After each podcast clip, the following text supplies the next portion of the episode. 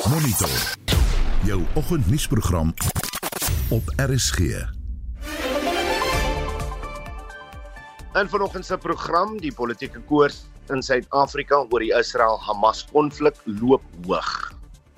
And I'm not surprised by you, Freedom Front. I cannot be surprised because you and the Zionist state of Israel are no different. That is exactly what you did to ordinary South Africans during the days of apartheid. Joernaliste in Gaza wag lewens, maar hoekom doen hulle dit? Ons praat met 'n kenner en 'n nuwe boek oor die geskiedenis van swart rugby word gepubliseer. Welkom by Monitor, die span vanoggend is Hendrik Martin, Daitron Godfrey en ek is Oudo Karelse.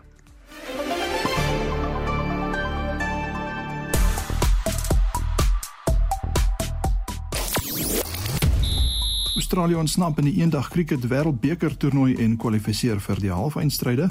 'n Protea speler word genomineer vir cricketspeler van die maand. Tuisspanne kraai koning op die sokkerveld en nog kragmetings lê voor tussen Suid-Afrika en Nieu-Seeland die keer by die Dubai Sevens reeks. Ek is Shaun Schuster vir RSG Sport.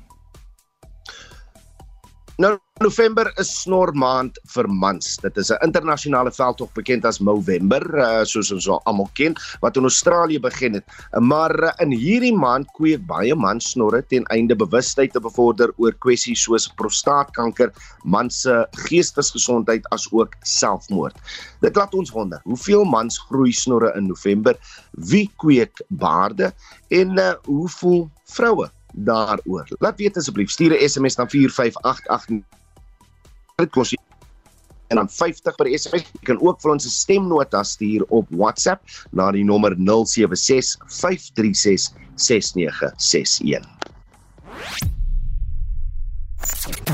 Jy luister na Monitor. Elke weekoggend tussen 6 en 7.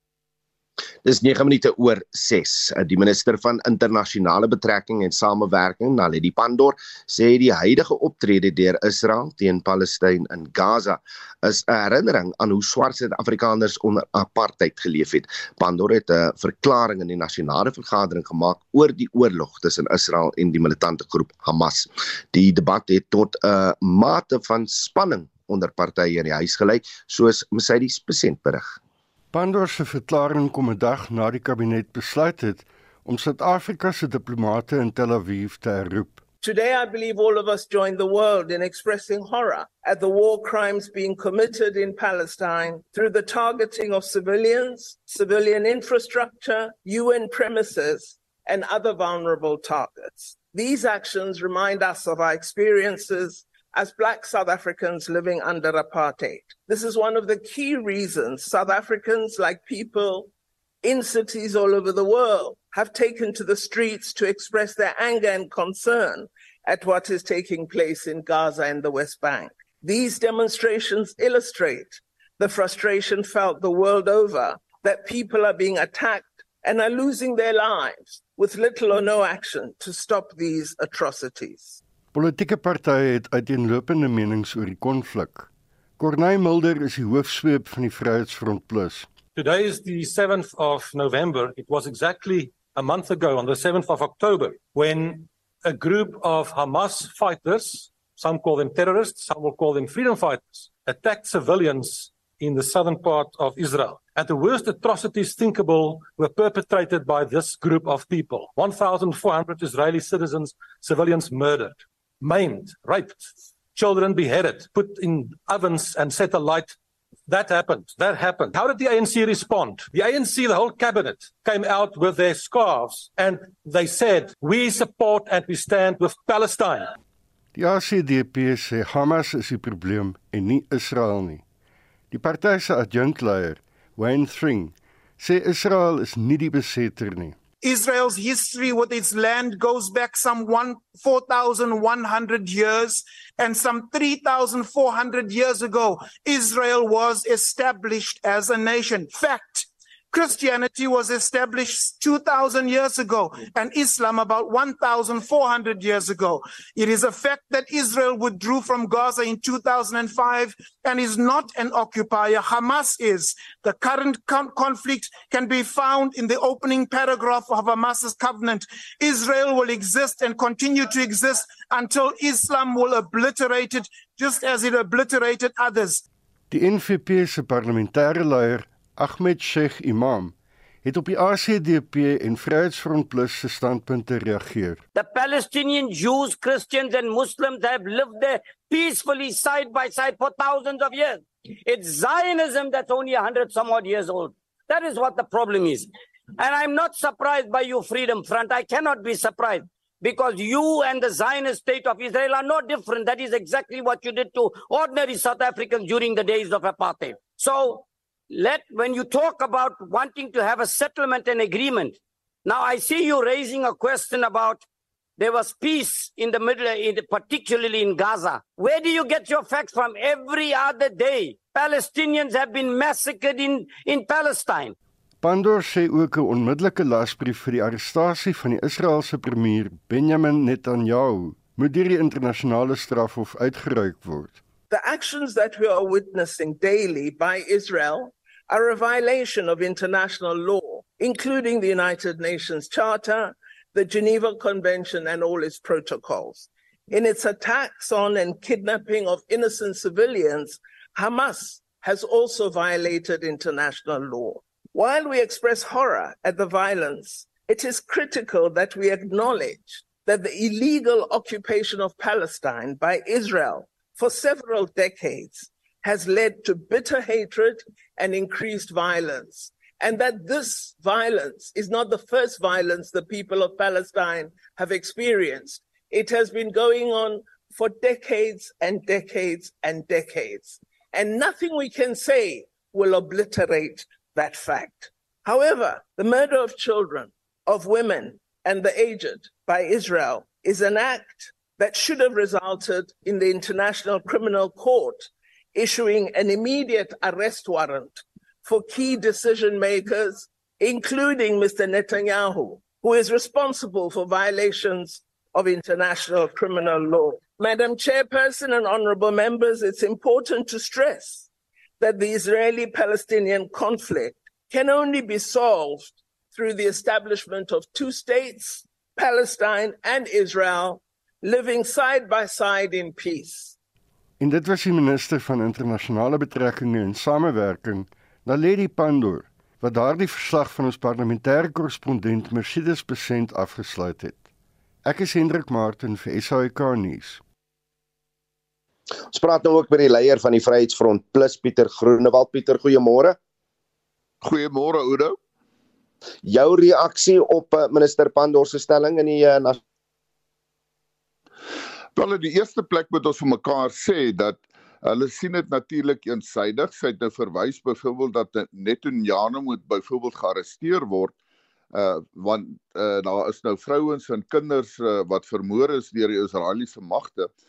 Maar sy vergeet dat dit moet onthou word dat Hamas was die aggressor. Uh op die 7 Oktober is dit Hamas wat 'n aanval geloods het. Dis hulle wat onskuldige burgers uh eenvoudig uh, net afgemaai het en soos dokter Corneil Mulder daarna verwys het wat plaasgevind het uh dit is eintlik bietjie ontstellend dat uh verder op 'n vraag deur hom aan die minister of hulle ontken dat daar sulke aanvalle was 'n deur Hamas en dat hulle byvoorbeeld hierdie wreedhede gepleeg het teenoor byvoorbeeld burgerlikes uh het sy eintlik geantwoord en gesê Hulle beskou dit as vals nuus. Met ander woorde, hulle kyk met oogklappe na hierdie aangeleentheid. Uh my uitstandgangspunt is altyd dit is ongelukkig so dat in 'n oorlog is die werklike slagoffers is altyd vroue en kinders. En dan moet geen twyfel wees nie. Hamas voer 'n lafhartige oorlog. En die rede hoekom ek dit sê is hulle gebruik burgerlikes, vroue en kinders wat onskuldig is as 'n skulde. As jy die aggressor is, moet jy weet dat jy wel 'n reaksie gaan ontlok. Maar die Pieter, Suid-Afrikaanse as- as- regering wil dit nie aanvaar nie. As ek dan mag vra, as dit wel die geval is dat hulle mense as skulde gebruik, dis Hamas nou. Uh, uh, sê die Vryheidsfront dat dit dan aanvalle op hospitale regverdig. Nee, ek sê nie dit is regverdig nie. Ons moet ook onthou daar word gesê dat die aanvalle spesifiek op hospitale is omdat dit vestings is wat gebruik word deur Hamas. Ons weet, dis algemeen dat hulle juis dit misbruik. Nou is die vraag wat moet gedoen word?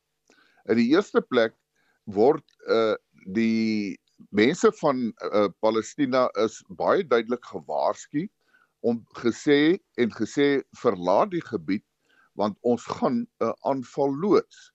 Nou dit is so. Uh as jy dan gewaarsku word om te sê dat verlaat die gebied, is die vraag hoekom verlaat hulle nie die gebied nie? Enige persoon sal Want, want ons het ons het al want Pieter ons het al gesien dat daar voorvalle is van waar mense aangeval is terwyl hulle sekere gebiede verlaat. Ons het ook gesien hoe hoe mense by hospitale saamdrom juis omdat dit is waar hulle behandeling kan kry, waar hulle kos kry wat daar andersins nie kos is nie en dan word hierdie hospitale nog steeds aangeval. Wel, daar is ook berigte wat sê dat Hamas verhinder die mense om die plekke te verlaat. As jy sê dat daar is uh, materiaal wat dit wys, dit is korrek, uh, dat daar is sulke materiaal, maar die vraag is was hulle verbied om die plek te verlaat? Uh, dat die waarskuwing om te sê dat daar aanvalle gaan wees was vroegtydig geweest. Ons moet dit sê nog voordat die aanvalle begin het. Uh was daar die waarskuwing gegee. Maar wat sê ons van die aanvalle van Hamas op die onskuldige burgerlikes? Die wreedheid wat daarmee gepaard gaan. Pieter, as ek mag vra, is die Vryheidsfront Plus dan 'n voorstander van 'n twee-staatstelsel? Inderdaad. Ons het dit al verskeie kere gesê. Uh om maar 'n voorbeeld te noem, ek persoonlik het al baie keer in die parlement as die Palestynë of enige saak in terme van Palestina te sprake kom, uh, dan is dit ook baie interessant. Dan is die ANC baie vinnig om te sê dat die Palestynë is geregtig op selfbeskikking en uh, dat die twee staat oplossing uh, gevolg moet word. Het ek al 'n paar keer opgestaan en gesê ons ondersteun dit. Uh, ek het ook al gesê in Suid-Afrika het ons 'n artikel 235 wat juis ook verwys na selfbeskikking. En dan moet die regering ook eerlik wees om te sê dat as hulle sê hulle glo in selfbeskikking, moet hulle dit ook van toepassing maak in Suid-Afrika as daarom gevra word. Onthou, die uitgangspunt die missie van die Vryheidsfront Plus is 'n selfbeskikking vir uh, volke en gemeenskappe. So ons ondersteun dit nog al die jare om te sê dat ons dink dit is die enigste oplossing. Ons stem saam dat daar behoort 'n dialoog plaas te vind om te sê hoe kan die vrede bewaar word? Want ek sê weer eens, die lafhartige oorlog deur Hamas veroorsaak dat onskuldige mense soos vroue en kinders die hoogste prys moet betaal. Is is dit dan korrek om wat tans gebeur te bestempel as die uitwissing van Gaza? Dit is nie 'n uh, uitwissing nie. Uh, uit die aard van die saak moet ons ook onthou dat Hamas se oorlogvoering gaan oor dat hulle het baie tonnels wat gevoer uh, gegrou is en waaruit hulle hulle strategieë beplan het en waaruit hulle hulle oorlog uh, voer. Uh, ons het net gepraat van hospitale, hulle gebruik hospitale byvoorbeeld uh, om vuurpyle af te uh, vuur op uh, Israel. Nou is die vraag, uh, Israel het op 'n punt gekom wat hy gesê dat Hamas moet vernietig word uh om hierdie aanvalle in die toekoms te voorkom. Uh, wat ons ook vir mekaar moet ons sê is onthou uh, die Palestynse president uh het ook gesê dat Hamas moet dit staak en die probleem is nie die Palestynë as globale groepering nie, maar dit gaan hier oor Hamas dit is eintlik uh, word gesien as 'n terroriste organisasie en daar moet ook deur hulle opgetree word. Eintlik behoort die Palestynë teen Hamas op te tree as 'n organisasie. die leier van die Vryheidsfront Plus daar, Pieter Groenewald, baie dankie vir u tyd op monitor. Vir 'n bietjie ontleding praat ons nou met professor Antoni van Nieuwkerk uh, van die Thabo Mbeki Afrika Skool vir Internasionale Betrekkinge. Uh, Antoni, goeiemôre. Dankie, goeie goeiemôre. Waarom was dit vir Pando nodig om die verklaring wat sy gister gemaak het in die uh, nasionale vergadering te doen? Ehm um, ek dink ehm um, minister Pando het maar die geleentheid gebruik in die parlement om die regering se posisie teenoor die oorlog in die Midde-Ooste uh, baie duidelik te stel. Ehm um, en ek dink dit is reg so dat 'n minister van ons regering in die parlement die platform gebruik om baie duidelik te sê wat hulle beleid is en hulle benadering eens uh, so 'n krisis in die Midde-Ooste. Ehm um, ek moet ook sê dat ek nie verbaas is oor wat sy gesê het nie, want uh, dis nie die eerste keer dat sy ehm um, die regering se standpunt bekendstel nie. Sy uh, het al sedert die oorlog in Gaza begin het uh verduidelik hoe die Suid-Afrikaanse regering en die uh regerende party die ANC die situasie ontleed en verstaan en uh en daarop reageer. Ek moet sê die die die die aankondiging wat sy gemaak het dat Suid-Afrika uh dat die Suid-Afrikaanse regering sy diplomate onttrek het uit Israel ehm um, en oorweeg om die Suid-Afrikaanse ambassadeur in Suid-Afrika die Israeliese ambassadeur in Suid-Afrika uh dalk uh, te vra om die land te verlaat. uh hmm. het het wêreldwyd opspraak gemaak want uh uh, uh ander lande doen dit ook. Ehm uh, dis 'n minderheid, maar uh, daar's 'n patroon wat besig is om te vestig. En uh, ek het gisterand op die internasionale nuuskanale gekyk. Ehm um, daar's baie lande in Afrika wat Suid-Afrika se voorbeeld dalk gaan navolg. So dit is hmm. dit is 'n dramatiese aankondiging wat sy gemaak het gister. Ook moet ek miskien byvoeg die die idee dat ehm um, dat Israel of uh, Netanyahu na die internasionale strafhof verwys moet word soos wat die strafhof vir Putin probeer bykom het het ook opspraak verwek en daar's 'n groot debat aan die gang oor wie kan vir wie verwys na die internasionale strafhof toe. Uh terloops, uh, soos ons luisteraars weet, uh Israel is nie 'n lid van die internasionale strafhof nie. Uh Amerika ook nie. Uh maar Suid-Afrika wel. En so daar's 'n debat oor wie kan wie verwys en of dit inderdaad gaan gebeur. Ehm um, as ek luister na wat gister in in, in ons nasionale vergadering plaasgevind het, net mooi elke party sal sê hulle is voorstanders van 'n twee-staatstelsel. Maar hmm. maar as ons tussen die lyne lees van wat gister in die parlement gebeur het, het het die regering weer eens beklemtoon uh en, en dis waar ek ontleding wil kry. Uh, uh, dit klink asof die regering nou weer eens beklemtoon het dat hulle uh, die Palestynse owerheid ondersteun terwyl partye soos die ACDP, die DA en die Vryheidsfront Plus met wie ons nou net gepraat het, hulle ondersteuning vir Israel uitgespreek het. Ja, ou, ek moet dalk sê, uh, kom ek sê twee goeders. Die eerste een is ehm um, ek het groot dele van die debat gevolg in die in die parlement en in die nasionale in die nasionale vergadering. Ehm um, want my oog is eintlik op uh die die ontvouende krisis ehm um, in die Gaza-strook of in Israel, want ons moet die Wesbank insluit en ons moet Libanon insluit. Jy weet daar's daar's 'n drama rondom die bure ook uh in die Midde-Ooste, uh die bure van Israel. Uh, en dan is daar ook groot magte wat inspel op die krisis soos die Amerikaners ehm um, en ander die Turke en ander en so meer. Ehm um, en ek ek was uh, teleurgestel met die vlak van uh, aanbieding van die politieke partye in die parlement. Ehm um, uh, die tipe van baie baie emosionele stellings wat baie van die politieke partye gemaak het. Ehm um, reflekteer eintlik die die beperkte vermoëns wat hulle het om die krisis werklik werklik waar in sy diepte te verstaan. En ehm um, val my op dat ons politici baie vinnig uh, die vinger wys na ander partye en en blame soort van jy weet uh, aanwys vir ander. Uh, terwyl ek dink ons meer moet uh, belangstel in die vraag hoe hierdie krisis opgelos moet word. Terwyl die debat in die parlement gebeur het waar die mense vir mekaar vinger wys en probeer verduidelik hoe hoe goed hulle die situasie verstaan, sit die Verenigde Nasies en probeer 'n resolusie aan mekaar sit oor wat volgende moet gebeur om die konflik te te te deeskaleer en 'n vredesproses aan die gang te kry. En ons weet dat die Veiligheidsraad nie reg kry uh, om so 'n resolusie aanvaar te kry nie.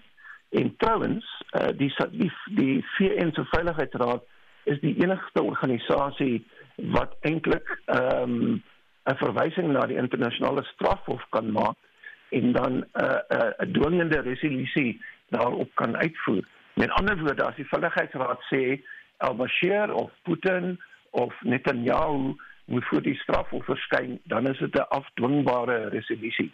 Ehm um, intussen sit die algemene vergadering van die van die Verenigde Nasies ook uh, om 'n resolusie uh, aanvaar te kry wat hulle gister gedoen het, naamlik 'n skietstilstand sodat humanitêre hulp verleen kan word aan die mense van Palestina wat in die in die uh, Gaza strip woon en dalk ook in die in die Wesbank waar daar ook konflik is. Die laaste ding wat ek wil sê Oudo is ehm um, ons moet nie vergeet nie. Uh, ek sien party van die politieke partye uh, vir my hierdie kwessie. Netanyahu se regering gebruik 'n uh, uh, disproporsionele geweld om Hamas by te kom. Hulle het intussen uh, die afgelope maand 10000 Palestynë doodgemaak in die poging om omtrent 60 Hamas vegters uh, uh, by te kom. Waarvan die helfte kinders is. Jy hoef nie uh na die debat in die parlement te luister nie. Jy kan uh die TV aansit of op sosiale media na video's kyk wat baie ontstellend is oor hoe die bomme sonder diskriminasie val op hospitale en op vlugtelinge wat saamdrom in kampe waar hulle probeer wegvlug van die geweld van die Israeliese staat. Die Israelies sê vir die Palestynë in die Gaza uh, strook vlug weg van die noorde want ons wil die die noorde letterlik vernietig geboue en tonnels en mense wat agterbly of hulle Hamas is of nie. Terwyl die mense dan vlug na die suide van die Gaza strook val die bomme van die Israelies ook op hulle uh sonder om te diskrimineer tussen Hamas vegters kinders vrouens mense oor die algemeen. En ek dink dit is wat die wêreld se aandag aangryp is hierdie vermoë van die Israeliese staat met die Amerikaners wat wat hulle bystaan om om uh om hierdie Gaza strook letterlik te vernietig in die poging om 'n uh, uh, om 'n mas by te kom wat trouens soos baie mense sê 'n idee is. Hamas staan vir 'n uh, onafhanklikheid van Palestina. En ek weet nie hoe of so 'n tipe van 'n vernietigingsoorlog op die lang duur tot vrede gaan gaan uitbreek nie. En dit was uh, professor Antoni van Niekerk van die Thabo Mbeki Afrika Skool vir internasionale betrekkinge. Die minister van Polisie Bekkie Cele sê misdadigers het oorlog teen Suid-Afrikaners verklaar. Dit was sy boodskap aan die nasionale kongres van die polisievakbond Popcrew in Durban. Hy eis die hervorming van die uh, strafregstelsel en groter samewerking tussen verskillende departemente om die probleem te hanteer. Dries Liebenberg doen verslag. Kelly het aan Popcrew-lede gesê tussen Mei en Oktober is daar meer as 200 000 mense in hegtenis geneem tydens operasie Chanela. Maar die groep sluit 95 000 mense in vir wie daar vroeër lasbriewe vir hulle inhegtenisneming uitgereik is. Hy het ook verwys na die minister van vervoer, Cindy Chikunga en die polisiebeamptes wat by haar was wat op die N3 tussen Heidelberg en Vosloorus beroof is. Die voorval het maandagooggend om 4uur gebeur toe die minister van KwaZulu-Natal na Gauteng gereis het. Yesterday at 4 a.m. something big nearly happened. When they sparked the mot the, the, the car of Minister Cindy Chikunga and they, they ordered everybody in the car including Minister Chikunga kulale phansi ngesisu. That was yesterday 4 a.m. when she was driving from here, this province, back to Gauteng. They're taking everybody on these criminals. We nearly lost the minister that would have been shot and killed. Die polisie sê in 'n verklaring dat twee dienspistole en persoonlike besittings in die rooftog gebuit is. Die nasionale polisiewoordvoerder, Atlenda Mate, sê 'n soektog is na die rowers van stapel gestuur. Popcrew se president, Zizamele Kebukulu, sê volgens die wêreldbevolkingsoorsig het Suid-Afrika die hoogste misdaadkoers ter wêreld en dat die jongste kwartaallikse misdaadstatistieke nie juis bemoedigend is nie. Despite small signs of improvement, as many as 6228 people were violently murdered between April and June this year, equating to 68 murders a day. This is even more than the 5,448 cars hijacked in the same period, which seem to signal that our lives are even less valuable than our vehicles. Kebukulu beweer staatsbesnoeiing en 'n gebrek aan samewerking tussen departemente in die strafregstelsel onder die redes is vir die hoë misdaadsyfer. Volgens Kele sal die 30000 rekrute wat tussen 2022 en 2024 in diens geneem word, nie die tekort aan polisiebeamptes oplos nie weens die uittog van ervare beamptes. The figure that we'll have will be 2010 figure, Mapoise, not 2023. 2010, you had 195, the whole organization, 195,000. Now we have 187. South Africans were 50 million then, now they are 62 million, and we're 150. So the ratio has moved from 1 is to 222 to 1 is to 420. Hy sê die gebrek aan bevorderingsgeleenthede is onder die redes vir die uittog. Vroeger die week het die ANC president Cyril Ramaphosa aan die Kongres gesê polisiebeamptes behoort beter gevaar en behuisingstoelaas te kry. Die minister van Justisie, Ronald Lamola, sê sy departement is besig om beide die strafproseswet en die wet op korrektiewe dienste te hersien om groter klem op misdaadslagoffers te plaas. Hy sê 'n gespreksdokument sal teen die einde van die maand vrygestel word oor die hervorming van die strafproseswet wat uit 1977 dateer. Lamola sê dit voldoen nie meer aan hedendaagse behoeftes nie. There is no reason today why a person or witnesses cannot testify from wherever they are. There is also no reason today why we cannot run a trial on a virtual platform. Inmates testifying from our correctional facilities, therefore saving the state money from taking people into our, our courts, even the risk of carrying the inmates to the courts. So we are now in a process to completely overhaul the Criminal Procedure Act. Kyle het aan popkroelede gesê misdadigers het toegang tot mediese sorg en studiegeleenthede in die tronk terwyl niemand agslaan op wat met die naasbestaandes van moordslagoffers gebeur nie. Ek is Dries Liebenberg in Durban. In November is snormaand vir mans. Dit is 'n internasionale veldtog bekend as Movember wat in Australië begin het.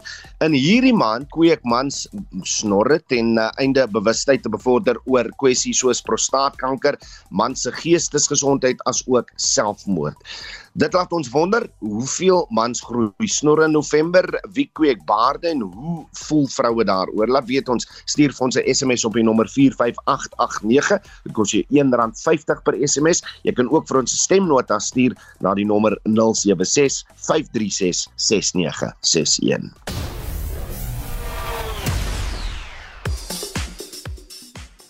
Alles nou tyd vir die jongste sportnuus met Shaun Jooste. Shaun, goeiemôre. Goeiemôre Oudo. Kom ons begin met cricket en uh ja, gister se wedstryd tussen Australië en Afghanistan was net fantasties geweest. Ja, Australië wen die uh, wedstryd met 3 paadjies en wel gedaan aan Glenn Maxwell en Pat Cummins. Maxwell word slegs die derde kolwer om 'n dubbele 100-tal in 'n wêreldbeker toernooi aan te teken. Hy eindig op 201 in lopies. Nou ek dink Afghanistan berou seker daar die verbroude vangskoot wat hy op 33 gestaan het.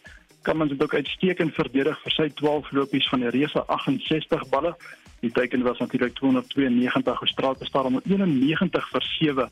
Hulle eindig op 293 vir 7. Hiermee kwalifiseer Australië vir die halve eindronde terwyl Afghanistan 'n laaste kans het. Dis Vrydag teen die Proteas. Nee, dis een van die beste dinge wat ek nog ooit op 'n cricketveld gesien het. So gepraat van die Proteas son, die paadjiewagter Quentin de Kock is genomineer vir die internasionale cricketraad se manspeler van die maand vir Oktober. Ja, de Kok al die lys uh, na 300 talle in Oktober tydens die Wêreldbeker toernooi. Dit was teen Sri Lanka, Australië en natuurlik die uitstekende 174 teen Bangladesh.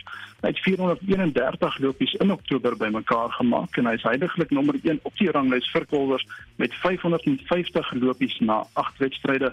Nou hy kom teen India se Jasprit Bumrah en Rashid Ravindra van Nieu-Seeland te staan. Ger gaan registreer gerus op ICC koppelteken cricket.com vorentoe skynstreep awards om te stem. As hy en ek raai aan dat Suid-Afrikaners dit wel doen. En dan was dit ook 'n goeie aand vir tuisspanne op die sokkerveld. Ja, nee, die DStv Premier League het Cape Town City 2-1 teen Chippa United en Stellenbosch FC ook 2-1 teen Richards Bay gewen. Orlando Pirates uh, C4 vir 'n slag 1-0 teen Sekhukhune en Royal AM ook 1-0 teen Golden Arrows en dan van die tellings in die Kampioenligga se vierde ronde is Borussia Dortmund 2 Newcastle United 0 Shakhtar Donetsk 1 Barcelona 0 AC Milan 2 PSG 1 Atletico Madrid 6 Celtic 0 Manchester City en RB Leipzig dring ook deur na die volgende ronde na hulle oorwinnings. En ons sluit af met 'n bietjie rugby nuus van ons amper tyd vir die sewes. Ja, die Blitsbokke het 'n kans om die laaste jaar se swak vertoning so 'n bietjie reg te stel. Dis nou by die toernooi wat hulle in 2022 gewen het. Maar ja, dit gaan egter moeilik wees. Hulle is in groep A saam met Nieu-Seeland, Kanada en ook Samoa. Die vroue boksspan is ook die seisoen deel van die vroue sewe reeks. Hulle is ook in groep A geplaas saam met Nieu-Seeland, Fiji en Groot-Brittanje. Dis nou vir die Dubai sewe toernooi en die eerste van sewe bene vind op 2 en 3 Desember plaas. Jean Jooste daar van RSG Sport. Nou 'n nuwe boek oor swart rugby spelers se bydraes tot die sport het die lig gesien. Die boek Umbako Making Rugby an African Game vertel die geskiedenis van swart rugby in provinsies soos die Oos-Kaap wat natuurlik ook die tuiste van die Springbok kaptein Siya Kolisi is. In die boek word uh, half uh, vergeete besonderhede van klubs en spanne uiteengesit asook die stryd tussen swart klubs en die apartheidsregering. Ons praat nou met 'n medeskrywer van die boek, die geskiedkundige uh, geskiedkundige Dr Hendrik Snyders. Hendrik, goeiemôre. Goeiemôre Udo. Goeiemôre aan jou luisteraars.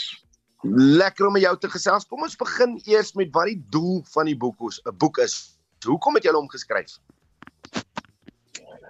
Odo in die laaste 30, 40 jaar het daar verskeie boeke verskyn wat die tradisionele rugby geskiedenis van Suid-Afrika vertel. Uh net in die laaste 10 jaar was daar omtrent 4 boeke wat die uh, sogenaamde breingeskiedenis van Suid-Afrika vertel.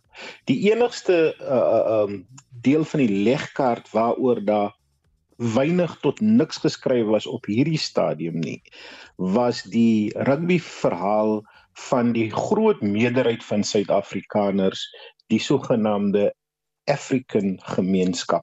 En ons wil daardie gaping vul en tweedens wou ons sekere van die mites wat steeds vandag nog die ronde doen soos dat swart Suid-Afrikaners laatkommers tot rugby is wou ons uit die weg ry.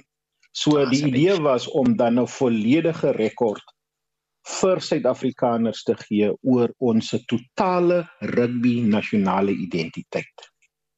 En en, en Hendrik die die ware geskiedenis van die ontwikkeling van rugby in Suid-Afrika en en ek ek ek sê ek sien die titel van die boek is Making Rugby an African Game, maar maar die geskiedenis vertel ons 'n storie dat hy uit die staanspoor hier in Suid-Afrika wel 'n African Game was. Jy jy is reg Udo, dit was 'n African Game in die sin dat dit in Suid-Afrika op die suidpunt van Afrika gespeel was. Maar daar is 'n 'n uitstaande ehm um, sporttradisie wat anders lyk as die die sport en rugby tradisie in die wit gemeenskap as ek daai term kan gebruik. Hmm. Byvoorbeeld rugby in die swart gemeenskap is meer oor vaardigheid en spoed eerder as krag en dominering. So wanneer jy kyk na die spel van Lucanio Am, jy kyk na die spel van Cheslin Colby en en spelers soos Kurtley Arendse, sal jy opmerk dis dis dis dis spelers wat 'n ander stel vaardighede uitstal wat ingestel is op die benutting van ruimte, die gebruik van vaardigheid en spoed om punte aan te teken eerder as om staat te maak op gewig, lengte en oorheersing van die opponente. Dit gaan in die swart gemeenskap gaan dit oor uh hoe teken ek punte aan deur hmm. die suksesvolle benutting van ruimte, spoed en um halwe geleenthede. As so, as iemand uh, vandag nog jammer om jou in die rede te val, maar, maar as iemand goed. vandag nog in 2023 wil aanvoer dat dat rugby onder swart spelers, swart gemeenskappe nie 'n sterk geskiedenis het hier in Suid-Afrika nie. Wat sê jy vir hulle? Wat sal hierdie boek vir hulle leer? Umboto is baie duidelik oor een aspek en dit is dat Suid-Afrika se swart gemeenskap was deelnemers aan die spel van die begin af in die vroeë 19de eeu. Die eerste bewyse vir georganiseerde deelname in die spel begin so vroeg as die 1830s voordat daar eers in die 1880s formele klubs gestig was. En dit is omtrent dieselfde tyd wat die tradisionele blanke gemeenskap uh die sport aktief begine organiseer het. So hierdie idee soos wat onlangs in 'n geselsprogram uitgedruk is dat Sia Kolisi uh bedank behoort te word omdat hy die speel na swart gemeenskappe gebring het strook nie met die feite nie. Die feite is dat die eerste swart skole in die Oos-Kaap was in die spel alreeds teen die middel van die 19de eeu. Die eerste swart klubs in Suid-Afrika was reeds gestig teen die 1880s parallel met bekende klubs soos Hamilton's en Villager uh verder meer dat swart Suid-Afrikaners het van meet af aan 'n eie karakter en identiteit aan hierdie sport gegee. So die idee dat hierdie spelers van ons wat ons vandag in die groene goudtrui sien, laatkommers is, strook eenvoudig nie met die feite nie. Feit van die saak is, daar is 'n tradisie wat meer as 100 jaar oud is. Dr. Hendrik Snyders, baie dankie vir u tyd op Monitor. Hy's 'n geskiedkundige en uh, ook een van die medeskrywers van die boek Ombako Making Rugby an African Game. Jy luister na Monitor. Elke weekoggend tussen 6 en 7. Die internasionale nie-regeringsorganisasie, die Committee Protecting Journalists, sê minstens 37 joernaliste is reeds in die oorlog tussen Israel en Hamas dood. Dit is nou sedert Hamas se aanval op Israel 'n maand gelede wat eh, dit volgens die CPJ die bloedigste maand vir joernaliste maak sedert die organisasie statistiek in 1992 begin hou het. Nog 'n organisasie, Verslaggewers sonder Grense, eis dat uh, joernaliste wat oor die oorlog berig beskerm word. Ons praat nou met 'n afgetrede emeritus professor in journalistiek aan die Noordwes Universiteit, professor Johannes Vroneman. Johannes, goeiemôre. Goeiemôre. Ons praat grootendeels van Palestynse joernaliste wat hier dood is, want buitelandse joernaliste word steeds nie in die streek toegelaat nie. Ja, volgens die syfers wat ons het is die by verre die meerderheid van daai mense wat dood is, die joernaliste wat oorlede is, uh, Palestynë gewees. Hmm. En, en hoe belangrik is dit dat uh, vir die vir die algemene publiek dat joernaliste oor hierdie konflik kan berig? Wel, jy weet konflikte oor die eeue en sekerlik oral in die wêreld ook in ons land, jy weet, is, is dinge wat mense geïnteresseerd is in want dit, dit raak mense op 'n baie direkte vlak. So en dit dit dit het 'n impak. En dit is dramaties. Dit is nie waardig. Jy kan dan kyk uit verskillende hoeke. So Ja, ons ons ons wil weet wat aangaan. En uh, joernaliste is die mense wat die werk doen om vir ons te vertel wat aangaan. Ja, jou mening prof oor oor die wyse waarop hierdie joernaliste in uh, hierdie konflik dood is. As ek so kyk na die uh, beriggewing daaroor, ehm um, wat julle self ook onder oog gehad het, wil dit lyk asof baie van daai joernaliste eintlik dood is in in aanvalle deur die uh, Israeliese weermag wat uh, so van ver af lyk of dit amperlik raak is. Jy weet ek meen uh, mes mes hulle hulle is dood in huise saam met hulle gesinne byvoorbeeld. Jy weet, so dis nie asof hulle noodwendige teken is as joernaliste nie, maar dat uh, mense in die algemeen in Gaza, uh, jy weet, uh, sterf doodgewoon omdat uh, daar uh, aanvalle op die uh, op die gebied geloods word ook selfs in in hospitale. So ek dink mense moet wel onderskeid tref tussen die feit dat uh, um, of mense nou spesifiek geteken word en daar's heel moontlik sulke gevalle en daar's ook 'n geval gewees 'n uh, tydjie gelede van 'n joernalis van Al Jazeera wat uh, in die kop geskiet is deur deur 'n Israeliese soldaat. Jy weet, dan begin mense te wonder of dit wel inderdaad spesifiek geteken is. Nou die meeste joernaliste in sulke uh, situasies dra mos nou hierdie uh, dinge waarop kledingstukke waarop daar duidelik staan press. Jy weet so hulle uh, uh, is tamelik goed geïdentifiseer. Nou mense moet natuurlik die vraag vra of uh, joernaliste 'n baie spesifieke beskerming geniet en die antwoord daarop is ongelukkig nee. Uh, joernaliste uh, wat optree tree eintlik op as gewoon as burgerlik is. Hulle het geen spesifieke beskerming wat hulle geniet nie. Ehm um, net soos wat burgerlikes sterf in konfliksituasies uh, sterf uh, die media mense ook uh, ongelukkig, maar hulle of hulle spesifiek geteken word, ja, dis 'n ander vraag, nê. Nee. Mm, mm. Maar, maar maar hoe word joernaliste dan in in spesifiek in in hierdie konflik hoe hoe word hulle dan beskerm? Wie wie se verantwoordelikheid sou dit wees? Nee, hulle word nie spesifiek beskerm sover ek weet nie. Uh, soos ek, ek sê, ek vra nou juist ek vra nou juist omdat die beroep gedoen is dat hulle beskerm moet word. Ja, wel eh, die beroep is gedoen. Mense ook die beroep kon doen dat vroue en kinders en for, for that matter enige ander mens beskerm word. Jy weet, uh, so uh, die feit van die saak is burgerlikes sterf by die duisende in daai konflik uh, en dit is die die die situasie en as deel van daai burgerlikes sterf die uh, die media uh, verteenwoordigers ook. Hoe jy hulle kan beskerm in die besonder nee, die weet ek nie. Ek het 'n bietjie rondgekrap en daar's geen spesifieke bepalinge in enige van die konvensies en goed wat ek kon raaklees wat spesifiek die media um, jy weet uitsonder dat hulle moet beskerm word behalwe dat die media dan nou hulle self identifiseer en baie belangrik nooit mag deelneem aan enige uh sal ek sê aktiwiteite wat hulle sou kon identifiseer of uh, uh dat hulle saamwerk met enige van die magte nie. Ek meen hulle moet hulle totaal weerhou van enige optrede wat lyk asof hulle veg aan een of ander kant. Jy weet soos hulle hulle daarop sig neutraal hou, ehm um, behoort hulle nie aangeval te word nie, behoort hulle nie direk aangeval te word nie, maar wat ons nou sien in Gaza is dat dit is nie noodwendig mense uh, van Hamas wat sterf nie, miskien hulle ook, maar ek meen die dis dis gewone mense wat sterf en 'n deel daarvan is dit die media. Professor Johannes Vroneman uh, is afgetrede emeritus professor in journalistiek aan die Noordwes Universiteit.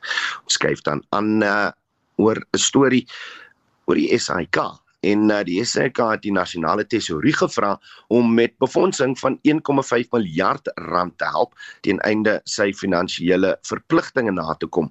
Die adjunkminister van kommunikasie en digitale tegnologie, Philip Mapulane, het die inligting in die parlement bekend gemaak. Die SAIK het die portefeulje komitee oor kommunikasie van sy korporatiewe plan vertel. Die voorlegging van die plan is uitgestel omdat die SAIK raad eers vanjaar aangestel is. Die raad en die hoofbestuur van die SAK het aan die komitee gesê Die entiteit het daarin geslaag om 'n wins van sowat 56 miljoen rand in die eerste kwartaal van hierdie huidige boekjaar te maak. Jolanda van Billjon is die finansiële hoof van die openbare uitsaaier. Of course, when this document was designed, it was in the first quarter of this calendar year. So at the time, we were still using our forecast for 2023 as the baseline. But the long and the short of it is for the 2024 budget, the organization endeavored to secure a profit of 56.7 million rand, which was a significant increase from the envisaged loss at the time as well as, of course, the previous financial year 2022. In revenue and expenditure terms, we were targeting 6.5 billion rands worth of revenue. Maar die adjunkminister, Philip Mapulani, het hierdie bewering bevraagteken. Hy sê dis nie 'n akkurate weerspieëling van die huidige finansiële toestand van die organisasie nie, want dit het 'n verlies in die tweede kwartaal van die jaar gelei. In terms of the second quarter report that we've received from the SAPC, already in terms of the information that we have received, there is a net loss of about 464 million year to date in terms of the second quarter performance report. So whilst the corporate plan is projecting a surplus in terms of revenue, already the information that is at our disposal in terms of the second quarter reports indicates that already there has been a net loss of just below 500. Lede van die komitee wou weet of die SAIK die minister van finansies om geldelike ondersteuning gevra het. Maar Polani het dit bevestig. So we submitted a motivation to Treasury for 1.5 billion As you know, when the minister was tabling the medium-term budget policy statement, that allocation was not accepted. So we didn't get what we requested from Treasury because of the dire economic situation which was painted by the minister during the, the financial year that there's even for the allocations that were made in the 2020 in the budget that was presented in February, March, there's been reductions from the baselines of all the departments. So there's no new allocation to Die adjunkminister is ook bekommerd oor die toekomstige finansiële volhoubaarheid van die SAIK. Same concerns as yourself about the sustainability of the SABC. You would recall that we supported the turnaround plan which was implemented with the hope that it will indeed turn around the fortunes of the SABC. But as we all know, that turnaround plan never really turned around the finances of the SABC. We are back to where we were, if not worse position than when we started with the bailout. So clearly there are some fundamental interventions that we have to make. So we're looking forward because the SABC is an independent entity Die SAIK skuld Sentech geld vir die koste van syn verspreiding.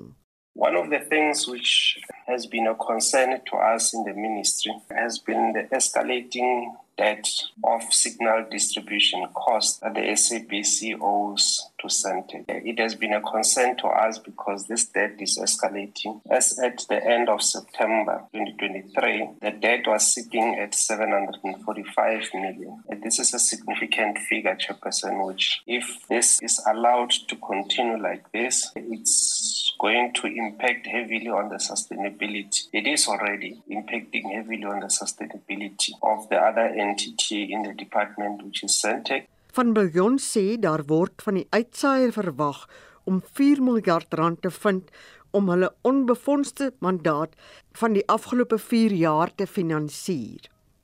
Dit sluit uitsendings van belangrike regerings- en openbare gebeure in. The cost of delivering our unfunded mandate will amount to as much as 7.4 billion rand over the MTF period. Over the four year period, you can see here, it amounted to nearly 9.7 billion rand. Cost of mandate, the content alone, is about 7 to 800 million per annum, or about 2 billion rand over the MTF period. Yolanda van Billjon is die finansiële hoof by die SAIK en Abongwe Kobokana het hierdie verslag in die parlement saamgestel. Mitsi van der Merwe, SAIK nuus. Reg, November is snor maand vir mans. Dis 'n internasionale veldtog bekend as Movember wat in Australië begin het. En in hierdie maand kweek baie mans snorre ten uh, einde bewustheid te bevorder oor kwessies soos prostaatkanker, man se geestesgesondheid as ook selfmoord. Dit laat ons wonder hoeveel mans groei snorre in November wie kweek baarde en hoe voel die vroue in jou lewe of die vrou liewer in jou lewe daaroor laat weet stuur vir ons 'n SMS op die nommer 45889 kos jy R1.50 per SMS jy kan ook stuur op die nommer 076536 6961. Dan hoor ons later van jou in Spectrum tussen 12 en 1. Ons groet dan namens ons uitvoerende regisseur Nicoline de Wee, ons redakteur is Daitron Godfrey en ek is Oudo Karel. So môreoggend weer terug op Monitor tussen 6 en 7 op en wakker is volgende. Totsiens.